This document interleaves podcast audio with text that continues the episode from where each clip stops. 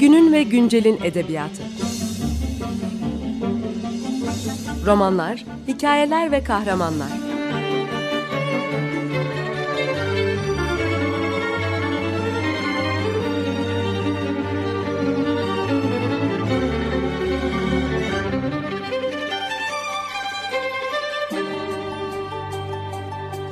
Hazırlayan ve sunan Seval Şahin.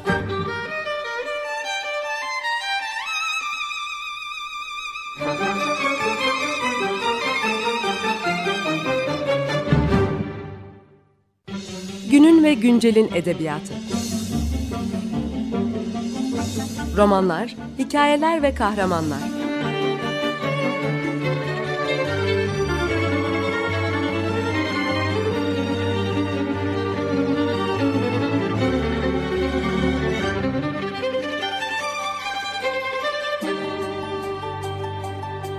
Hazırlayan ve sunan Seval Şahin.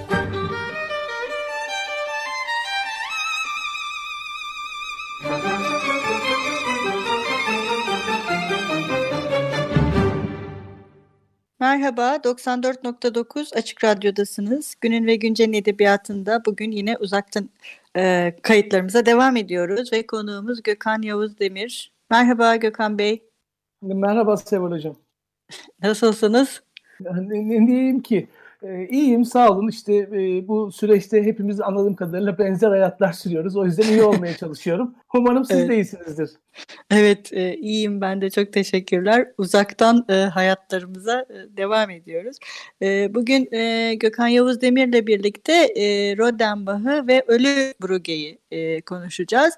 E, bu kitap hem e, Yort Kitap tarafından e, Türkçe'de yayınlandı hem de Everest yayınları tarafından. Yani şu anda benim görebildiğim kadarıyla Türkçe'de iki baskısı var. Ee, değil mi Gökhan Hocam? İki baskı var şu anda. Hocam tabii. öyleymiş. İki... Ben ben Everest'in baskısını görmedim, bilmiyordum. Onlar zannedersem orijinal ismiyle basmışlar. Bruges La Mort diye. Evet. Ee, onu ben onu ben daha görmedim. Hı hı. Evet, o onu ben gördüm. Sizinkini de gördüm. O orada da şey var. E, bir e, bayağı kapsamlı bir ön söz var. E, bir de kitaptaki fotoğraflar yine e, açıklamalarıyla birlikte yer almış. Aslında çok sevindirici bence böyle bir eserin şu anda Türkçe'de iki farklı e, evet. diyelim baskısının bulunması. Öyle değil mi? Gerçekten büyük bir şans çünkü şey yani hem mesela benim gibi okurların e, yolu Rodenbach'la kesişmeyebilirdi. Hem de e, biliyorsunuz Türkçe'de genelde bir metin e, çevrildi mi genelde o artık çevrildi diye e, kimse ilgilenmiyor. E, yani o artık tüketildi, bitti diye. Oysa bir böyle iyi metinlerin, önemli metinlerin e, birden fazla tercümesinin olması da tabii çok büyük bir avantaj. Evet ve e, bugün iki iyi yayın evinin iki iyi çeviriyle bence iki çeviri de çok iyi e, bu arada onu da e, iletmek gerekir. Biraz Rodenbach'la başlayalım. Kimdir Rodenbach? E, neden önemlidir? Ya açıkçası hani e, benim e, bu e, York kitapta e, karşı Eskişehir'de e, bastıkları Ölü Bruh'le karşılaşana kadar e, ben hakikaten Rodenbach'tan bir haber yaşamıştım. E, çok da tanımıyordum e, ama anladığım kadarıyla e, yani hukuk mezunu, e, Belçikalı e, fakat Fransızca yazan ve Fransa ile Belçika arasında iki edebiyat çevresine de dahil olan e, ve gazetecilik yapan e, bir yazar. Gazeteciliği seviyor anladığım kadarıyla. Bu arada şiir yazıyor. Hani hem bir şair hem bir gazeteci. Hem arada denemelerini ve hikayelerini yayınlıyor. Fakat anladığım kadarıyla bu 1892'deki Ölü Bruh'u önce işte Le Figaro'da galiba tefrika olarak yayınlıyor. Evet, tefrika. Evet. Tefrika. Sonra işte akabinde herhalde bir 3-4 ay sonra da bir yayın evi ilk defa basmış. Hani o ölü buruya kadar da çok böyle bir e, şöhret kazanmış biri de değil. Esas büyük çıkışını ölü buruyla yapıyor anladığım kadarıyla. Çünkü e, anlaşılan ölümünden sonra da Birinci Dünya Savaşı'na kadar falan da çok baskı yapan, e, okunan ve etkili bir kitap. Yani biraz sonra üzerine daha çok konuşuruz ama hani 20. yüzyıl modernistleri üzerindeki et, yani 20. yüzyıl modernistlerini daha iyi anlamak için belki de e, bu 20. yüzyılda modernistlerin yaptığı şeyin temellerini atan e, metinleri ve e, yazarları tanımak gerekiyor. O anlamda e, Rodenbach'ı bilmek çok daha mühim. Yani esas modernistlerin yaptığı dönüşümün o fitilini ateşleyen e, o ilk e, kuşak arasında yer alıyor Rodenbach ve Elüburi. O yüzden bence önemli bir metin. Peki nasıl bir ateş bu modernistler açısından baktığımızda? Ya şimdi şöyle diyebilirim hani e, şimdi işte ilk bildiğimiz modern roman işte 1605'te ilk cildi çıkan e, Cervantes'in Don Quixote'si. Şimdi Don Quixote'den bugüne yani işte 400 yılda hadi şeyin 20. yüzyılın başına bakarsak 300 yılda e, o Don Quixote'nin her iki cildinin içerisinde bir potansiyel olarak birbirine benzemeyen pek çok romanı mümkün kılacak bir kaynak var. Onun e, patikalar var. Bazı patikalar işleniyor. Mesela işte hep e, Kundera şeyi örnek verir. İşte Şiten, Tristan Şendi'yi yazıyor. Sonra Diderot, Kaderci Cak'ı yazıyor. O mesela bir hat, e, bir patika. Fakat nedense e, çok kullanılan bir patika değil. Yani 20. yüzyılda Kundera o patikaya bir hayat e, kazandırana kadar unutulmuş bir patika. Sebebi 19. yüzyılda bilhassa Balzac ve Stendhal e, realizminin e, kendisini romanın içerisinde bir alternatif, bir patika, bir potansiyel değil de neredeyse romanın kendisi, romanla eşitleyen e, derecede güçlenmesi yer alıyor. E, bunun akabinde de zaten e, Flaubert ve daha sonra da işte Zola'nın naturalizmi geliyor. Bu da neredeyse bütün bir 19. yüzyıla hani roman eşittir realist roman, roman eşittir naturalist roman haline getiriyor. E, bu tabii büyük bir e, baskı. E, tıpkı hani ressamların 19. yüzyılın sonundan itibaren e, figüratif resmi meydan okumaları, hani işte empresyonistlerle başlayan bir arayış, sonra sürrealistler, sonra kübik resim vesaire. Hani yeni bir tema için yeni bir form arayışıdır. Aynı şey anlaşılan 19. yüzyılın sonunda e, bilhassa bu sembolist e, şair ve yazarlarda olmuş. Onlar da yeni bir form yani romanı realist ya da naturalist olmaktan çıkaran e, başka bir şeye dönüştüren bir patika arayışına girmişler. O patika anladığım kadarıyla hani biz 20. yüzyılın işte e, ilk çeyreğinde işte Joyce olsun, Wolf olsun, işte Musil olsun e, ya da Proust olsun o, o yeni formu bize gösteriyorlar. Ama bu bir arayışın başlangıcı. Evet, aslında resim için söylediğiniz şey doğru. Frederick Jameson sanırım bunu şöyle diyordu. Hani 19. yüzyılın sonunda bu gerçekçiliğe meydan okumak için resimdeki figürler kendilerini seyredenlere sırtlarını döndüler. Aa, güzel Çünkü artık evet artık yani seyredilmek gibi bir dertleri yok. Çünkü seyredilmek istemiyorlar. Aslında roman da belirli anlamlarda kahramanları da e, kurguda değiştirerek, dönüştürerek o resimdeki şeyi yapıyor. Kahramanlar okura sırtlarını dönüyorlar. Değil mi? Bu, bu yani bu Rodenbach'ta da var aslında. Var. Doğru. Evet. Yani ben Jameson'ın bu cümlesini bilmiyordum. E, fakat hakikaten e, yani çok isabetli bir tespit benim durduğum yerde. E, çünkü hani yeni bir form arayışı e, tam da e, esasında değişen toplumun, değişen çağın artık yeni bir estetik arayışıyla e, baş başa gidiyor, paralel gidiyor, ona tekabül ediyor. Zaten e, şöyle düşünün, hani Rodenbach'ın mesela hani şimdi romanın kendisini de konuşuruz ama onun kadar önemli bir şey var. Bu romanda bir de imajları kullanması. Evet. Ya İmajlar. mesela tabii bu ciddi bir romana, yani romanın o bildiğimiz e, orijindeki formuna ciddi bir meydan okuma saldırı. Çünkü hani işte felsefenin hani temel e, husumetlerinden biridir söz ve imaj arasındaki şey hani ilişki. Çünkü bir gerilim var arada hani imajların kesinliğinin karşısında sözün belirsizliği ve çoğulluğu var. Hani e, şimdi e, bir romanın içerisinde e, hikayeyi e, metin üzerinden kelimelerle okumak e, başka bir şey. Çünkü e, işte e, sinemada filmi çekilmeseydi e, muhtemelen biz hepimiz e, hobbitleri e, ya da elfleri e, ne kadar okuru varsa o kadar elf ve hob hobbit olacaktı. O kadar muhayyilemizde birbirinden farklı inşa edecektik bunları. Ama imaja dönüştürdüğünüz zaman yani bir Hobbit'in resmini çizdiğiniz ya da filmde oynattığınız zaman bir elfi o zaman işte o bütün o çoğulluk kayboluyor ve yerini kesin bir tekilliğe bırakıyor. E, bu yüzden zannedersem işte hani mesela benim gibi bu anlamda kafası daha muhafazakar olan edebiyatçılar uzun süre hani bu e, imaj ve metin ilişkisine çok sıcak bakmadılar. E, bu şeyin e, Rodenbach'ın çağdaşları için de geçerli. E, çoğunun hoşuna gidecek bir şey değil. E, ki akabinde zaten işte fotoroman falan gibi şeyler doğacak biliyorsunuz. Evet. Ama ama bu romanda mesela ben hani bu söz imaj karşısında hani imajlara sıcak bakmayan biri olarak ben çok etkilendim imajların kullanım çok, şeklinden. Çok etkileyici. Çok evet, gerçekten çok etkileyici. Çünkü bu metinde imajlar e, tahakküm kurmuyorlar. Yani okurun muhayyilesinin üzerine tahakküm kuran, zapturapt altına alan okurun muhayyilesini imajlar değiller. Tam aksine e, metne zenginleştiren, metne edebi muhayyilelerin üzerinde e, ona destek olacak bir yeni bir perspektif ya da boyut kazandıracak bir e, kullanımı var imajların ki yine çok enteresan. Şimdi hani enformasyon olarak söyleyelim hani bu roman işte 4 Şubat 1892 ile 14 Şubat 1892 tarihleri arasında hani 10 gün süren bir tefrika yayın Le Figaro'da e, ve 13 bölüm olarak yayınlanmış yanlış hatırlamıyorsam. E.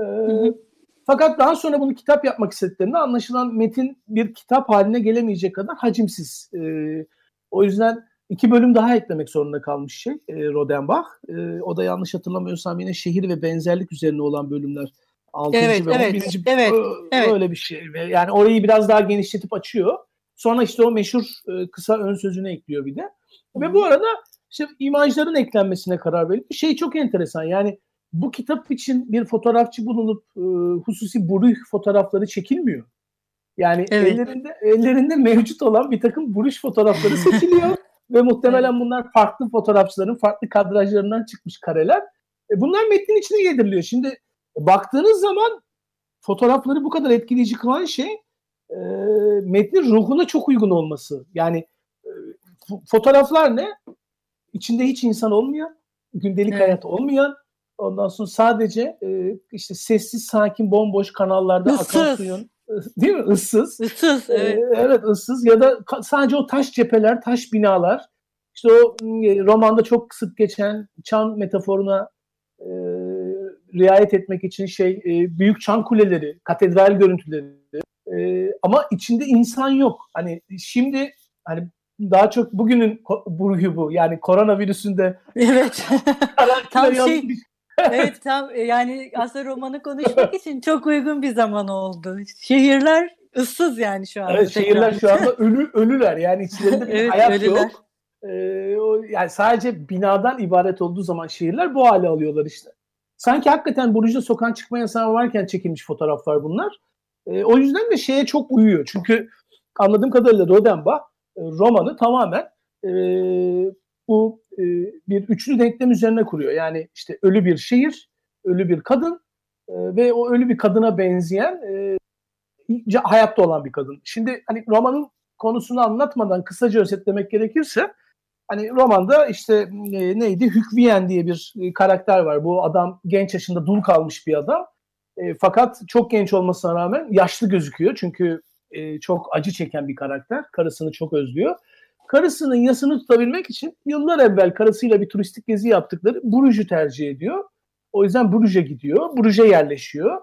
E, fakat hani biraz okumaya başladıkça adamın obsesif, e, takıntılı, e, sıkıntılı hatta biraz da paranoyak ve fetişist bir karakter olduğunu da görmeye başlıyoruz. Çünkü evin içinde bir e, bilhassa salon hani bir e, müzeye dönüştürülmüş durumda. Karısının eşyaları, karısının elbiseleri ve daha da beteri hani karısının e, o altın sarısı saçlarından bir bukle, bir lüle, bir e, cam e, mahfazanın içinde duruyor. Bir cam mekanın içerisinde.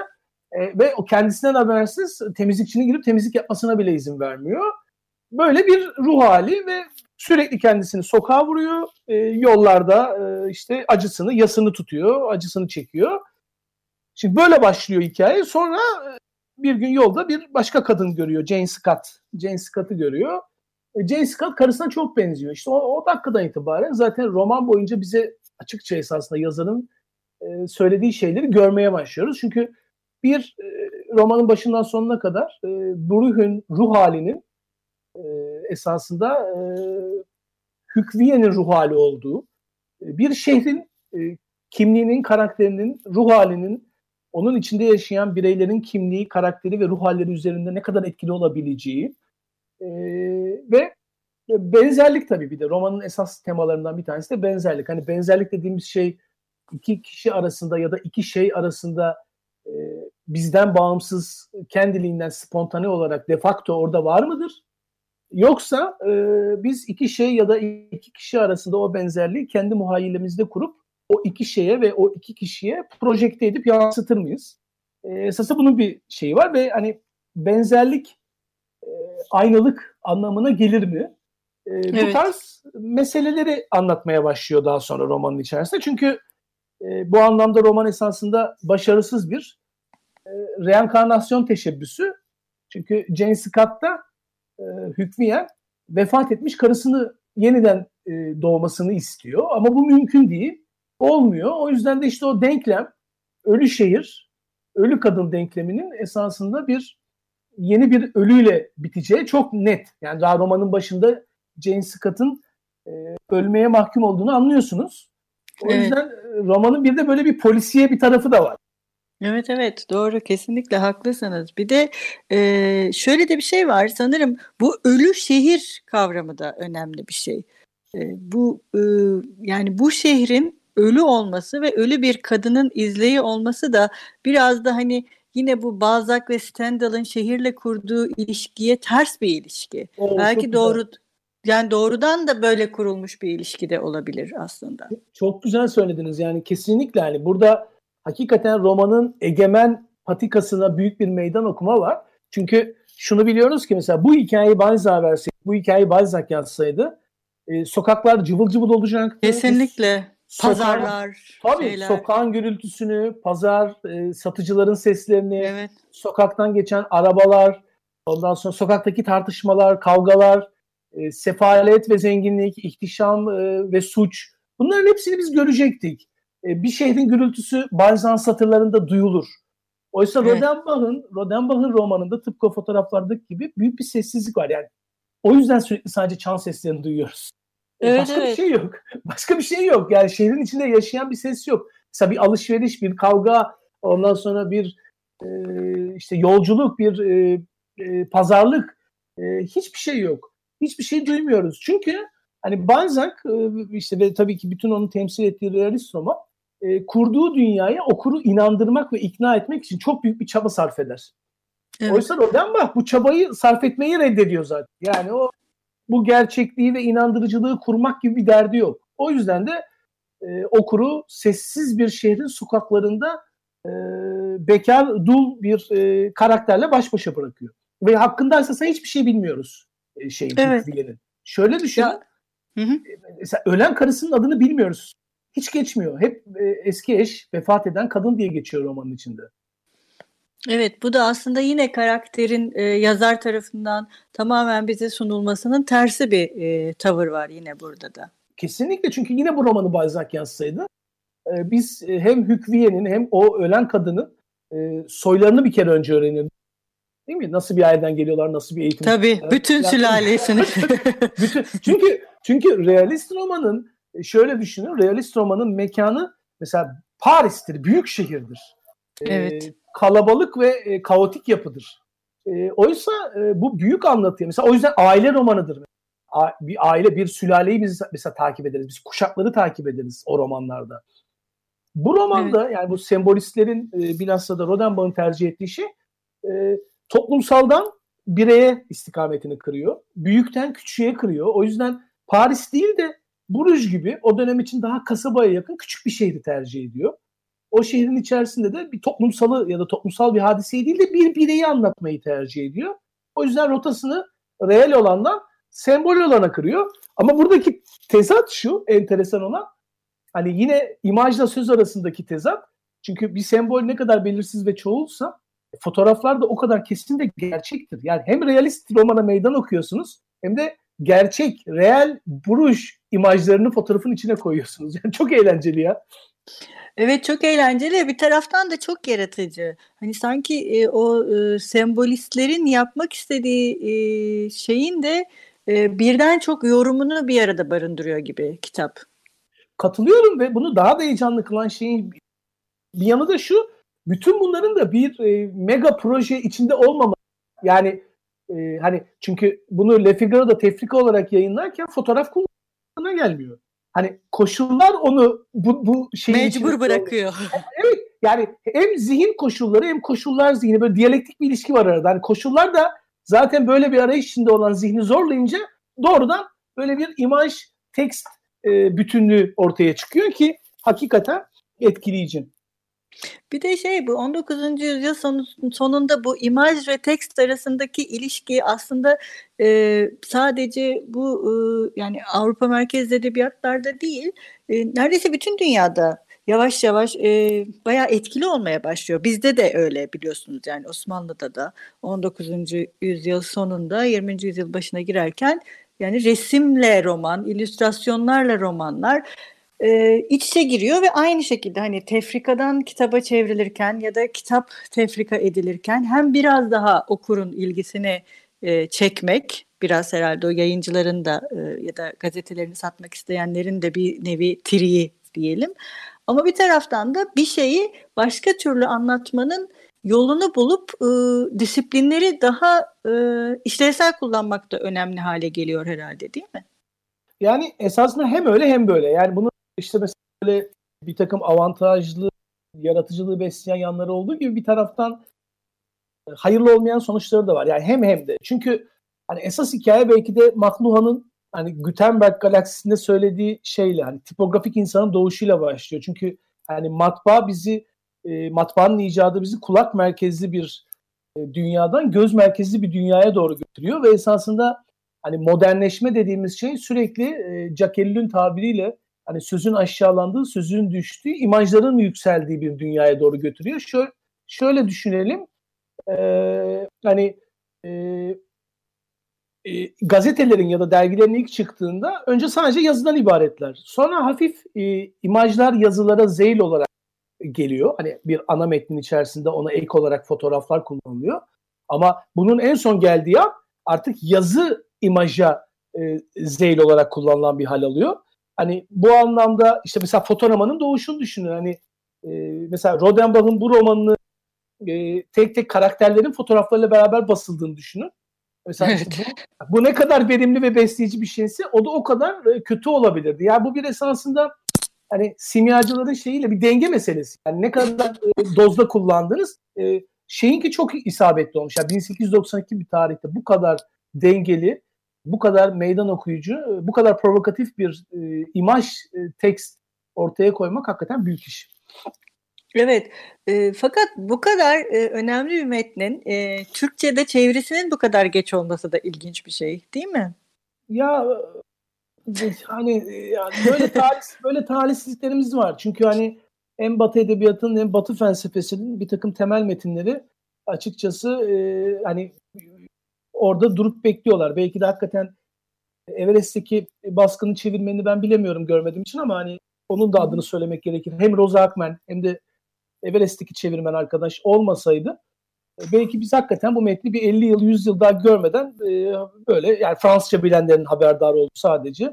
Onun dışında kalanları e, yaşamadan gidilmesine yol açacaktı ki bu da hem Batı düşüncesiyle hem de Batı estetiğiyle hani Harold Bloom'un o kanonda, Batı kanonunda söylediği gibi o kanonik ilişkileri, derin ilişkileri kurmamızı engelliyor. İyi bir şey değil. Yani bunu bilmek e, yani Rodenbach'ın ölü ruhunu bilerek modern edebiyatla ilişki kurmak başka bir şey. Onu bilmeden ondan bir haber olarak ilişki kurmak başka bir şey. O yüzden hani gecikmiş bir şey ama yine de şükretmeliyiz ki iki çevirmen tarafından iki çeviriyle ortaya konmuş durumda. Buna da şükürler olsun. Evet iki çeviri ve iki yayın evi tarafından. Tabii. Biraz Biraz da şey e, bu sonlara doğru yaklaşıyoruz yavaş Hı-hı. yavaş. İmajların e, kullanımı biraz böyle şey gibi e, karakterin şehirde dolaşması e, ve algılarını da aslında e, canlı bir hale getiriyor. Ha böyle sanki şey gibi ben biraz şeyi de düşündüm. Bu hani e, Tanpınar'ın o uyanık halde rüya görmek. Burada tabii kabusa dönüyor onlar da.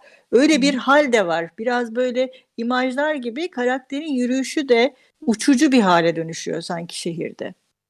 E, kesinlikle haklısınız. Yani e, Tanpınar'ı sizin kadar çalışmamış olmakla beraber şunu söyleyebilirim. Hani bunlar aynı ruh halini, aynı halini e, yazarları. Yani çok da birbirlerinden uzak düşmezler. E, o yüzden e, hani evet e, dediğinizde haklısınız. Hatta bence ön söze yaz ön sözü çok bu anlamda vurucu Rodenbach'ın. Evet. Çünkü ne yapmak istediğini mesela fotoğrafın felsinin zikretmeden, fotoğrafın adını hiç zikretmeden ön sözde e, bu ruhu e, bu e, rıhtımları, ıssız sokakları, eski konutları, kanalları, işte rahibeler külliyesi, kiliseleri, altın ve gümüş ayin eşyaları, çan kulesiyle vesaireyle şehrin varlığını ve etkisini e, daha yakından okurun hissetmesi için mesela metnin üzerinde uzanan yüksek kulelerin gölgelerini gölgelerini sağladı diyor. E, çünkü Brüh esasında romanın kahramanlarından biri. Yani e, burada şehir romana bir fon değil. E, evet şehir, kesinlikle. Yani o, o yüzden zaten silik hiç gözükmüyor. Şehir tam aksine e, romanın kurgusunun temelinde yer alıyor ve karakterlerden biri. Yani e, Hükviyen'le kurduğu ilişki işte ne bileyim daha sonra mesela dedikodular ve mahalle baskısı olarak Hügün üzerinde mesela psikolojik baskı yaratması o çan kulelerinin. E, evet. bu anlamda romanın bir karakteri ve biz evet hakikaten de e, sizin dediğiniz gibi e, şey böyle bir belirsiz bir hani şehrin sokakları arası mesela şöyle düşünün fotoğrafların altında şey yazmıyor mesela hani o kartpostallardaki gibi. Mesela Brüh'ün neresi olduğunu bilmiyoruz biz orada. Hani e, işte burası katedral, burası bilmem ne parkı falan gibi böyle kartpostallarda bir küçük bir enformasyon olur ya fotoğrafın altında ya da Mesela bunları da koymamış. Ee, şehrin içerisinde bizim e, şeyle beraber, Viyen'le beraber o katedralin gölgesini hissederek o çan kulelerinin seslerini duymamızı sağlıyor. E, bu da e, hakikaten ustalıklı bir iş. Yani e, gerçekten daha genç yaşta okumak isterdim. Hani üzerine çalışmak, bir şeyler yazmayı çok isterim. O kadar etkileyici bir kitap.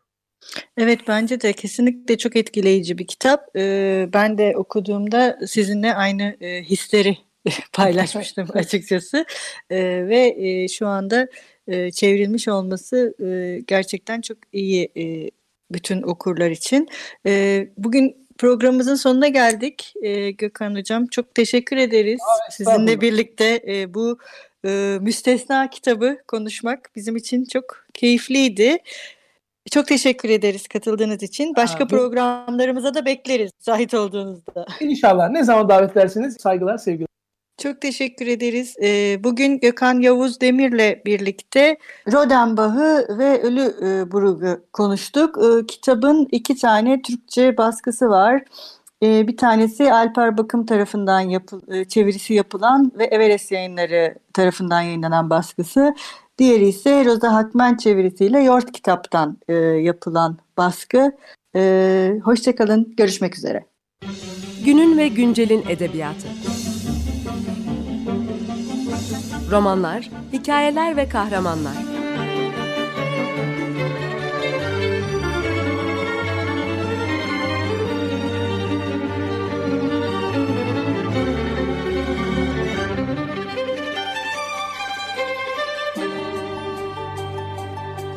Hazırlayan ve sunan Seval Şahin.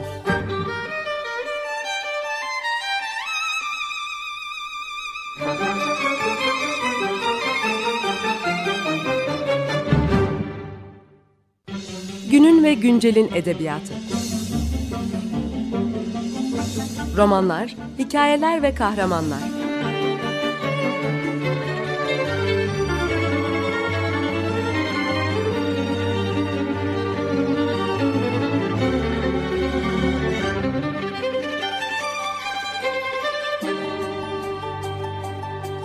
Hazırlayan ve sunan Seval Şahin.